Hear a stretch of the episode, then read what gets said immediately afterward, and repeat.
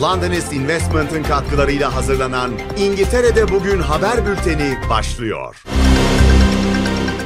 British Yaşam TV'den herkese iyi sabahlar. Bugün 20 Ekim Cuma ben Ela Sezen. İngiltere'de öne çıkan haberlerle karşınızdayız. İngiltere Başbakanı Rishi Sunak İsrail'e destek ziyaretinde bulundu. İsrail Başbakanı Benjamin Netanyahu ile ortak bir basın toplantısı düzenledi. Sunak, İsrail'in uluslararası hukuk çerçevesinde kendisini savunma hakkını desteklediğini belirtti. Gazze'deki El Ehli Baptist Hastanesi'ne yönelik saldırıya ilişkin önceki gün şahit olduğumuz görüntüler hepimizi şok uğrattı. Hayatını kaybeden her inançtan, her milletten sivil için yas tutuyoruz ifadelerini kullandı. Başbakan Sunak İngiltere'nin İsrail'e desteğini yineledi. Sizinle dayanışma içinde olmaya devam edeceğiz ve sizin kazanmanızı istiyoruz dedi. Ayrıca Filistinlilere Hamas'ın kurbanı ifadesini kullandı. İsrail Cumhurbaşkanı Isaac Herzog BBC'nin Hamas'a yönelik yayın politikasından rahatsız olduğunu dile getirdi.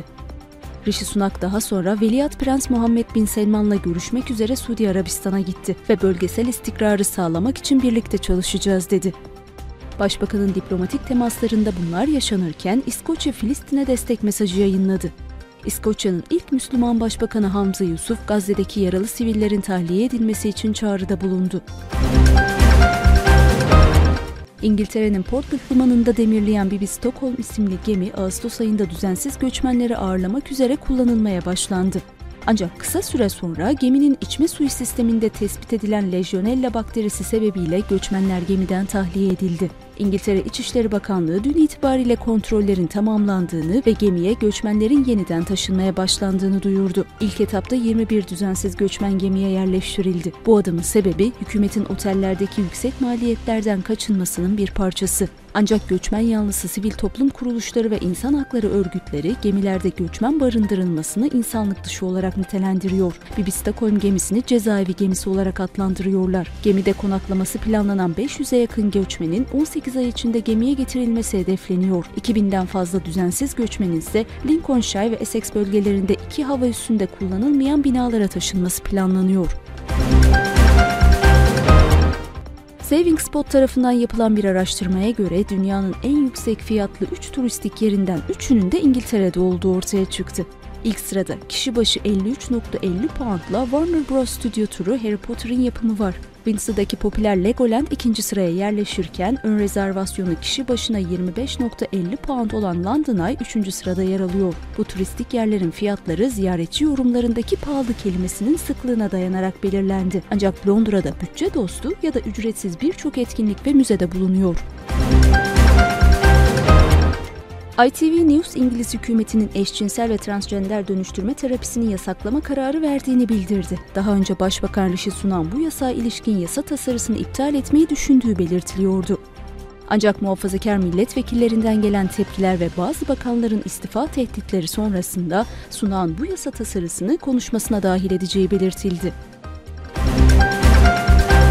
Krallık'taki büyük süpermarket zincirlerinden Sainsbury's tüm mağazalarında geri dönüşüm noktalarını kaldıracağını doğruladı. Bu durum müşterilere alışveriş sırasında karton, cam şişe, kağıt ve teneke gibi evsel atıkları geri dönüştürme fırsatı sunan tesisleri kapsıyor.